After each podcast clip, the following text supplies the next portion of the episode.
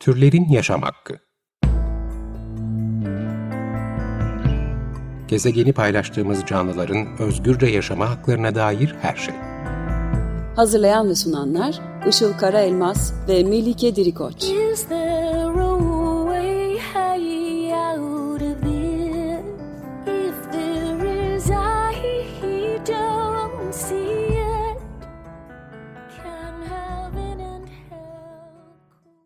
Merhabalar, 95.0 Açık Radyo'da Türlerin Yaşam Hakkı programı başladı. Ben Melike Dirikoç.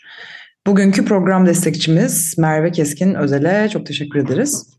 Ee, geçtiğimiz günlerde bir tweet'e denk geldim.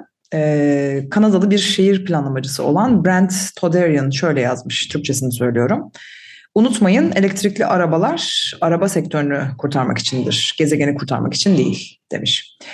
Ee, hani bazen e, o zamana kadar tam olarak düşünmediğimiz ama aynı zamanda da e, beynimizin arkasında düşündüğümüz şeyler vardır ya aslında e, o şey belki size bir perspektiften öyle bir veriliyordur ki ona karşı çıkamazsınız ta ki e, sunulan başka bir perspektifle karşılaşana kadar. E, bana da aslında öyle oldu yani bir şekilde bu gerçekten sürdürülebilir mi? Hani buna bu kadar seviniyoruz ama diye düşünürken bir yandan da evet yani aslında araba sektörü bir şeylere uyum sağlamaya çalışıyor. Bunu gezegen için yapmadığı aşikar. E, şimdi genelde duyduğumuz söylem ne baktığımızda işte fosil yakıtla çalışan arabalar gezegen için ve gezegende yaşayan herkes için çok zararlı. İşte bunu elektrikliye çevirdiğimizde bu sorunu ortadan kaldırmış olacağız e, deniyor. E, yani elektrikli araç kullanımı artık resmen bir an önce geçilmesi gereken ve bizi tüm bu dertlerden kurtaracak bir durummuş gibi, e, sihirli bir çözümmüş gibi lanse ediliyor. E, insanlar araç satın alma alışkanlıklarını buna göre değiştiriyor ve sanki böyle dediğim gibi sihirli bir çözüm kucağımıza düşüyor gibi. E, baktığımızda neredeyse tüm araba firmaları artık üretimlerini elektrikli araba üzerine yapacaklarını duyuruyorlar ya da yapıyorlar. E, bu geçişin olması için altyapılar kuruluyor, e, insanlar bu dönüşümü mutlulukla karşılıyor vesaire. Peki baktığımızda bu elektrikli araçlara geçmenin hiç olumsuz bir tarafı yok mu? E, gezegene ya da insan insan olmayan hayvanlara. Yani hiçbir şeye mal olmayan bir şey mi bu? E, diye sormamız gerekiyor aslında ve e, bunun cevabı tabii ki aslında hayır. E, birçok şeye de mal oluyor, birçok e, eksisi de var ama bunlardan neredeyse hiç konuşulmadığını e, görüyoruz. Daha çok işte e, eskiden olan yaptığımız şey zararlıydı. Dolayısıyla yeni bir çözümümüz var. Hadi hemen e, ona geçelim. Bunu kucaklayalım gibi bir aslında e, durum söz konusu. E, şimdi baktığımız zaman e, elektrikli arabalar üzerinde konuşacak olursak bu elektrikli arabaların pilleri ya da genel olarak elektrikli aletlerin pilleri içinde tabii ki yer altından belirli madenler çıkarmamız lazım. Örneğin lityum gibi, bakır gibi.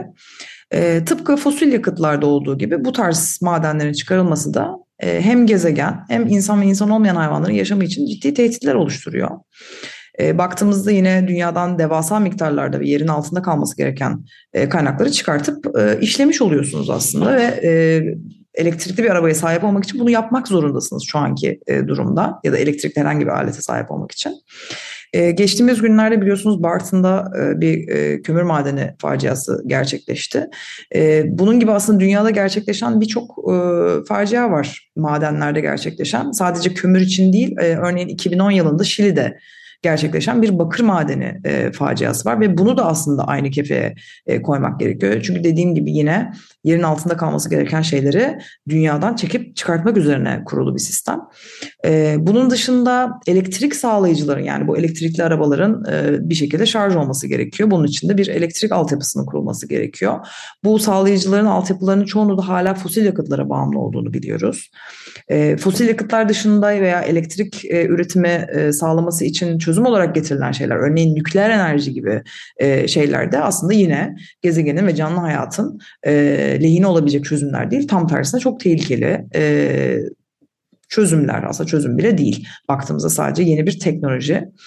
E, ve kendinin hepsinin kendi içinde e, korkunç riskleri var. E, fakat e, bu tarz teknolojik değişim ya da kırılmalarda bu olumsuzluklardan çok az bahsedildiğini ya da hiç bahsedilmediğini görüyoruz. Aslında e, dünyada yani tarihte de böyle e, olduğunu görebiliriz. Yani yeni bir teknoloji geldiğinde hemen e, aslında benimsenebiliyor. Özellikle çok daha e, insanlar açısından kolaylık e, sağladığı e, öne sürülüyorsa gerçekten olumsuz yanlarından maalesef e, bahsedilmiyor ta ki çok e, ciddi bir e, olumsuzluk yaşanana kadar. Ve tabii ki sektörlerin kendini kurtarmaya çalıştığını görebiliriz. E, çünkü zaten yapmaya çalıştıkları ise sürekli ayakta kalmak, kar etmek. E, bu durumda da iklim krizi ve ekolojik çöküş e, meseleleri her geçen gün e, daha da çok e, konuşulmaya başlıyor. Kendine e, daha çok yer buluyor. Ve sektörlerde değişen bu bakış açısına göre aslında pozisyon e, almaları gerektiğini biliyorlar. Bu dönüşüm rüzgarına ilk cevap verenler işte sektör öncüleri oluyor. Örneğin işte e, belirli markalar var hepimizin bildiği e, bu elektrikli araba sektöründe öncü olan. E, ancak bir taraftan da e, bu e, elektrikli araba sektör öncüsü işte e, uzaya sıradan insanları getirip götürmeyi planlayan, uzay turizmi e, planlayan e, ve bu şekilde de korkunç bir emisyon salınımına sebep olacak e, roket şirketinin de sahibi olabiliyor. E, ve bu roket şirketleri de şu anda kendi aralarında aslında hangimiz daha e, önce e, bu işte e, uzay turizmini yapacağız işte veya bunda önce olacağız diye yarışıyorlar. E, baktığımızda bir e, roketin havalanması için atmosfere bıraktığı karbondioksit 300 tonmuş ve bu e, karbondioksit aslında hemen de kaybolmayıp orada e, kaldığı düşünülürse çok ciddi anlamda e, bir e, emisyona, bir kirliliğe sebep olacak e, bir şey. E, yani dolayısıyla umarım ki hani e, bu kişilerin e, elektrikli bir şeyler yaparken, araba yaparken kendi lanse ettikleri gibi dünyayı düşündükleri için e, bunu yaptığını düşünmüyoruzdur. Hepimiz bunun e, farkındayızdır diye e, umuyorum ya da farkında olmalıyız. E, ve baktığımızda da aslında e, bu iklim krizine e, bir takım çözümler getirdiğini söylüyor yeşil kapitalizm veya bazılarının tabiriyle eko, eko kapitalizm. E, politik ve ekonomik sistemler içinde e, bu ekoloji e, bölünmeleri e, olduğunu görüyoruz. Yani işte ekososyalizm gibi ya da e, bugün konuştuğumuz gibi ekokapitalizm gibi. Şimdi ekokapitalizmin en temelde söylediği şey şu. Biz büyümekten vazgeçmeyelim. E, aynı e, yine hızda gitmeye devam edelim ama bunu yaparken daha az emisyon yaymaya e, çalışalım. E, söylediği en temel şey aslında bu. Yani doğanın, insanların, insan olmayan hayvanların metalaştırılma, e, sonsuz bir kaynak olarak görülme durumları aslında değiştirilmiyor. E, bir yandan baktığımızda e, bunun en başta zaten bu iki olgunun beraber var olabileceğini anlıyoruz diye düşünüyorum. Yani işte sonsuz büyüyelim ama aynı zamanda da daha az emisyon çıkartalım. Yani bu aslında çok ütopik bir düşünce e, bence. Çünkü e, sonsuz büyümenin sürdürülebilir olduğu bir nokta olamaz. Yani e, kullanmaya çalışılan, çıkarılmaya çalışılan, e, ürünlere dönüştürülmeye çalışılan kaynaklar çünkü sonsuz değil. Ve buna getirilebilecek teknolojik bir çözüm de aslında e, şu an için yok. Yani örneğin temiz su kaynakları e, tükendiğinde bunun yerine getirebilecek e, henüz gerçekçi bir çözümleri yok ve olması da çok zor. E, en azından bu çözümü bulana kadar çok korkunç şeylerin olabileceğini öngörebiliriz. E, baktığımızda yani genel olarak kapitalizmde de ve ekokapitalizmde de var olan bir düşünce tarzı da aslında tüm sorunları teknolojik çözümlerle yaklaşma mantığı. İşte ne diyor? Yani su biterse suyun bitmemesini sağlayacak çözümler yaratırız. İşte şu olursa şunu yaparız gibi. E, böyle e, hani olay olduğunda o zamana kadar hani bunu korumak e, ya da bunun olmamasını sağlamak değil de bir şey olduğunda hemen oraya e, yama gibi işte e, çözümler getirelim gibi bir bakış açısı var aslında. E, hiç koruyucu e, önlem alınan bir aslında dünyada yaşamadığımızı hepimiz tahmin ediyoruzdur zaten bütün bu olan bitenlerden. Ancak baktığımızda ekosistem bizim sorunları teker teker çözmemizi beklemeyecek. Ee, sen orada sürdürülebilir su teknolojileri üzerine çalışırken seni kontrol edemediğin ya da erişemediğin bir sürü sistem çökmeye devam edecek ve ediyor da zaten. Ee, çöken bir sistem diğerini tetikleyecek, o diğerini ve o diğerini e, derken aslında hiçbir zaman önünün alınamayacağı e, bir durumla karşı karşıya gelinecek. Şimdi bu iddiadaki e, bir e, sistem, bir düşünce yapısı aslında ekosistemin kendi döngüsünü, kendisini kontrol ettiğini ya da edebileceğini sanıyor sanırım. Bu da tabii ki bu insan merkezci, insan üstünlükçü bakış açısıyla çok iyi örtüşüyor. İnsan kendine yani artık böyle bir tanrısal bir e, şey atfettiği için her şeyi kontrol edebileceğini düşünüyor. Oysa bozulan bozulan bir şeyi onarma e, konusunda dünyada gerçekten yapabileceklerimiz oldukça sınırlı. Geri getiremiyoruz bozulan ve giden hiçbir şeyi aslında. Sadece yerine başka şeyler koyuyoruz kafamızı başka şeylerle meşgul ediyoruz. O yüzden yapabileceğimiz en iyi şey olanı bozmamaya ve korumaya çalışmak. Ama maalesef yaptığımız en iyi şey de e, bozmak e, oluyor e, şu an için e, görünen o. E, ekokapitalist perspektifin çözüm olarak sunduğu bazı şeyler üzerine de konuşmak isterim biraz. Çünkü e, yani bir çözümün gerçekten işe yarayıp yaramadığını konuşmak mutlaka gerekiyor bence. Yani diğer türlü kendimizi kandırmış oluyoruz. İşte ne kadar güzel böyle bir e, sistem varmış, böyle bir teknoloji varmış. Hadi hemen bunu kullanalım ve her şeyi unutalım, bütün sorunlarımız çözülsün gibi bir bakış açısı gerçekten doğru değil. E, bütün bir e, aslında resmi görmek gerekiyor. Yani bir alanda e, sürdürülebilir olduğunu söyleyen bir şey belki bir çözüm yaratıyor olabilir ama başka alanlarda e, yaratıyor olabileceği olumsuzlukları görmezden gelirsek zaten o zaman hiçbir zaman çözüme e, gidemeyiz diye düşünüyorum. Şimdi bu e, ekokapitalizmin en temelde önerdiği şeylerden birisi de karbon salınımına vergilendirme getirmek. Bu e, carbon tax ya da emission tax e, denilen şey. Diyorlar ki e, özellikle şirket ve devletler için e, konuşacak olursak e, bence ama e, tabii e, bireyler için de yakında bu gelebilir. E, en çok karbon salınımı yapanlar e, kal, e, salgıladığı karbon oranında e, vergi versin. Ya da bazı durumlarda sınır koyalım. İşte bu sınırı aşanlara ceza keselim. Ve bu vergilerden, cezalardan gelen parayı da e, daha sürdürülebilir sistemler, işte teknolojiler kurmak üzerine harcayalım. Şimdi baktığımızda bu ilk başta böyle mantıklı gibi gözükse de ki işte e, onların söylemlerine göre şu anki sisteme çok kolay entegre edilebilecek bir çözüm olduğunu söylüyorlar. Yani çünkü işte e, bütün bu teknolojileri hayal edebiliyoruz ama bir türlü kapitalizmin olmadığı bir dünya hayal edemiyoruz ya ya da dünyanın sonunu bile hayal ediyoruz kapitalizmin sonunu hayal edemiyoruz ya o yüzden de hani kapitalizm çerçevesinde çözümler bulmak ve bunu hani kolaylıkla e, hayata geçirmenin işte çok verimli olacağını iddia ediyorlar. E, şimdi bu e, vergilendirmelerin ya da cezaların aslında e, işe yaramadığını da görüyoruz. Çünkü neden? Hala çok düşük e, baktığımızda. Yani hiçbir caydırıcılığı neredeyse olmadığı gözüküyor. İşte bununla beraber bu yaptırımlar, bu cezai yaptırımlar ya da vergiler politikadan bağımsız olmadığından çoğu zaman işte lobicilik faaliyetleriyle özellikle işte fosil yakıtlar, hayvancılık gibi dünyanın en çok e, lobicilik e, faaliyetlerinin e, ciddi anlamda yüksek olduğu sektörlerde e, bunun engellenmeye çalışıldığı da görülüyor. Yani şirketler e, bir bakıma diyorlar ki parası neyse ödeyelim e, diyebiliyorlar ya da işte sen bu cezayı bana kesme ben şöyle bir sistem geliştireyim böyle bir teknoloji geliştireyim işte bunu e, sunayım size ya da kazandırayım gibi söylemlerle aslında bunu savuşturabiliyorlar. E, yani zaten baktığımızda aslında bu verilen cezalardan çok daha fazlasını belki de kazandıkları için bu onları pek fazla etkilemiyor. O yüzden de bu çözüm aslında çok da e, sürdürülebilir ya da çok da e, tarafsız bir şey değil açıkçası ya da bunu bir gün feshetmeyeceklerini de kimse e, bize söyleyemez. Çünkü sürekli aslında kendi yani bir anlaşmalar yapıp kendileri imzalayıp sonra kendileri de bozabiliyorlar baktığımız zaman. Ee, şimdi bu kaynak kullanımına maddi yaptırım meselesi sadece devlet ve şirketlere değil ünlülere de e, yapıldığını gördük. E, geçtiğimiz Ağustos ayında e, sosyal medyada e, çıkan bir haberle aslında haberimiz oldu. İşte Güney Kaliforniya'da e, uzun zamandır e, yaşanan bir e, su krizi var, e, kuraklık var.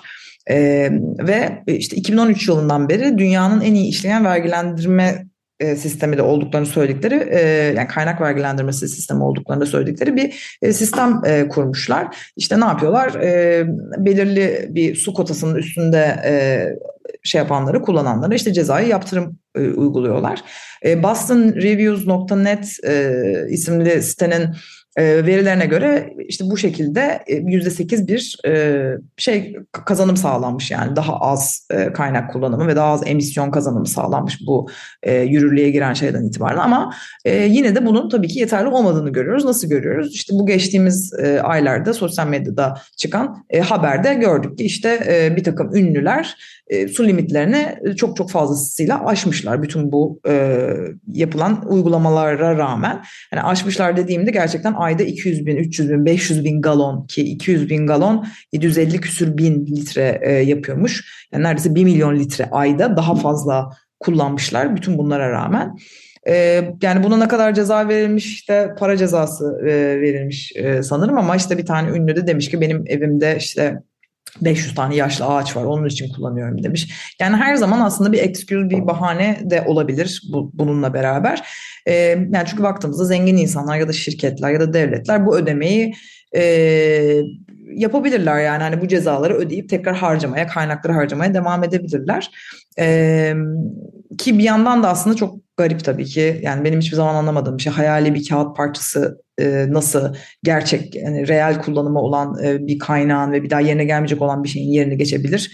Zaten e, oldukça absürt bir durum.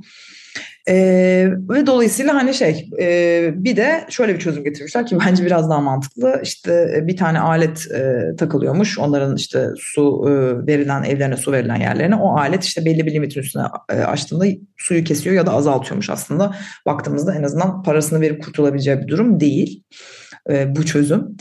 Ee, bir de buna benzer olarak e, çözüm olarak sundukları şeylerden biri de emisyon ticareti diye bir şey var. Ee, bu da belirli bir alan e, üzerinde belirli kirleticileri yayma hakkına e, deniyor. Yani işte buna bir sınır koyuyorsunuz ve işte şirket o alan içinde belirli emisyonları yayabiliyor. Fakat diyelim ki siz size verilen hakkın tamamını kullanmadınız. dolayısıyla o kalan hakkınızı başka bir devlete ya da işte şirketseniz başka bir şirkete satabiliyorsunuz. Yani bu da baktığınızda emisyon hakkınızın ticareti demek. Ee, yani bir nevi emisyon yaymanın bile e, metalaştırılması gibi geldi bana. Yani işte kapitalizm bulduğu her şeyi e, metaya çeviriyor. Yani bunun hiç olmaması gerek. Yani sen hakkını satabiliyor olmamalısın. Zaten ne kadar herkes azaltabiliyorsa o kadar iyi gibi bakmak gerekiyor ama maalesef öyle bakılmıyor. Yeşil kapitalizm alanında ortaya atılan e, kavramlardan biri de tragedy of the commons yani müştereklerin trajedisi olarak e, çevrilen bir kavram.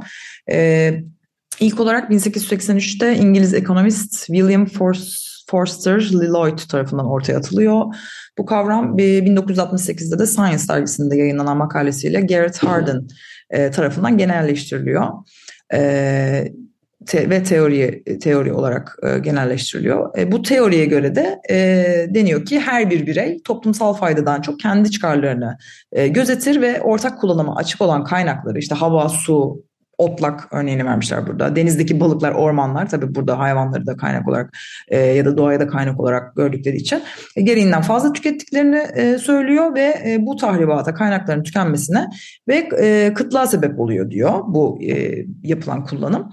İşte e, hayvancılıktan örnek vermiş tabii ki. E, ortak bir merada koyunlarını otlatan çobanlardan biri işte hayvanların daha etli olmasını iste, isteyerek gereğinden fazla otlatma yaparsa diğer çobanlara e, bu e, ortak kaynaktan e, daha az kalır diyor ve bu da dolayısıyla bu aslında kişinin, kişi veya kişilerin, insanların e, kaynakları yanlış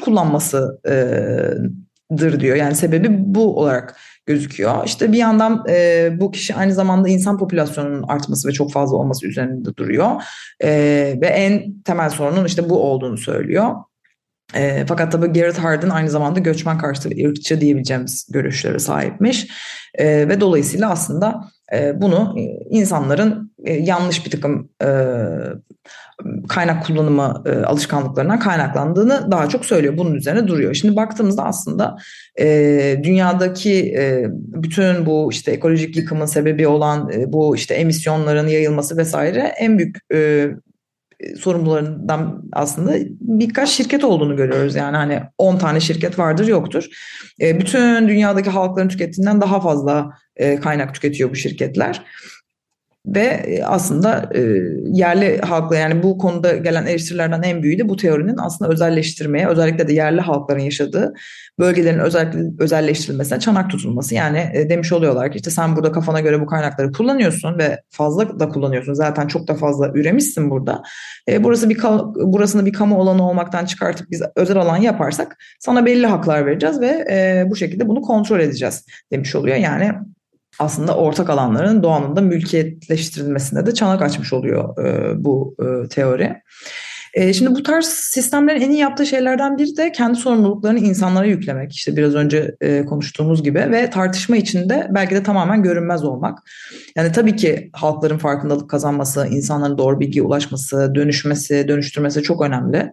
E, ancak e, dünyaya en fazla zarar veren sistemlerin kurucuları ve aktörlerinin de çıkıp işte eğer evinizdeki musluğu kapatırsanız ya da size satacağımız şu daha az elektrik harcayan aleti kullanırsanız dünyayı kurtarırsınız şeklindeki söylemleri ve konunun devamlı bu eksende tartışması da e, açıkçası e, manipülasyon e, ciddi anlamda.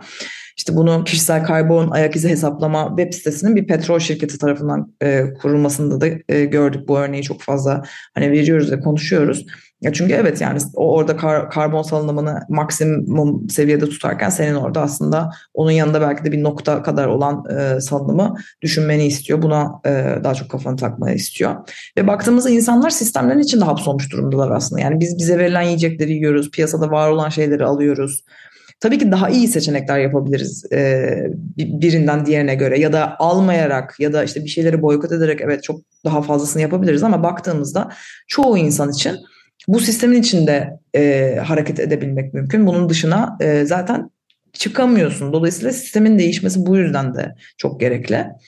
Şimdi ben de mesela bu işte e, bireysel tüketim konusunda şu ikilemi yaşıyorum aylardır. İşte bir ekmek kızartma makinamız ya da işte air fryer'ımız yok bir büyük boy e, ocağımız var. E, işte bu gömme ocak. E, ve ekmeği de e, çok fazla olmayan bazı yemekleri de fırında ısıtıyoruz ya da pişiriyoruz. Şimdi bunu yaparken harcadığımız elektrik mi daha zararlı yoksa yeni bir ürün almak mı daha zararlı? Bunu düşünüyorum açıkçası aylardır ve e, maalesef işte şunu da e, öngöremiyorum. Bu ürünler bize 5 yıl sonra kalacağını vaat etmiyor. Hani air fryer çok güzel gözüküyor ama bundan birkaç yıl sonra X fryer çok daha iyi. İşte air fryer daha çok yakıyor. Dolayısıyla air fryer bırakıp X fryer almalısın denmeyeceğinin de bir garantisi yok.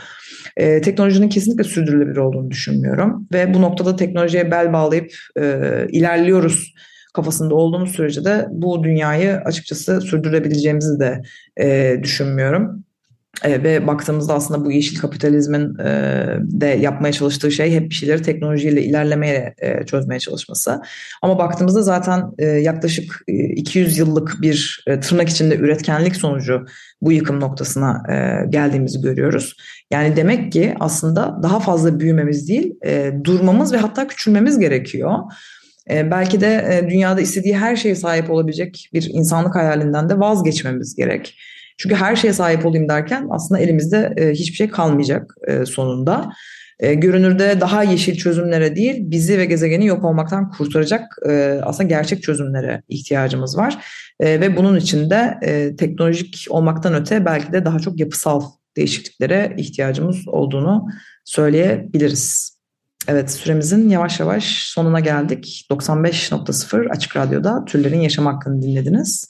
Bugün yeşil kapitalizm kavramını ve bunun bizi gerçekten kurtarıp kurtaramayacağını konuştuk. Bize mail yoluyla da ulaşmak isterseniz mailimiz turlerinyasamakki.gmail.com Haftaya görüşmek üzere. Dinlediğiniz için teşekkürler. Hoşçakalın.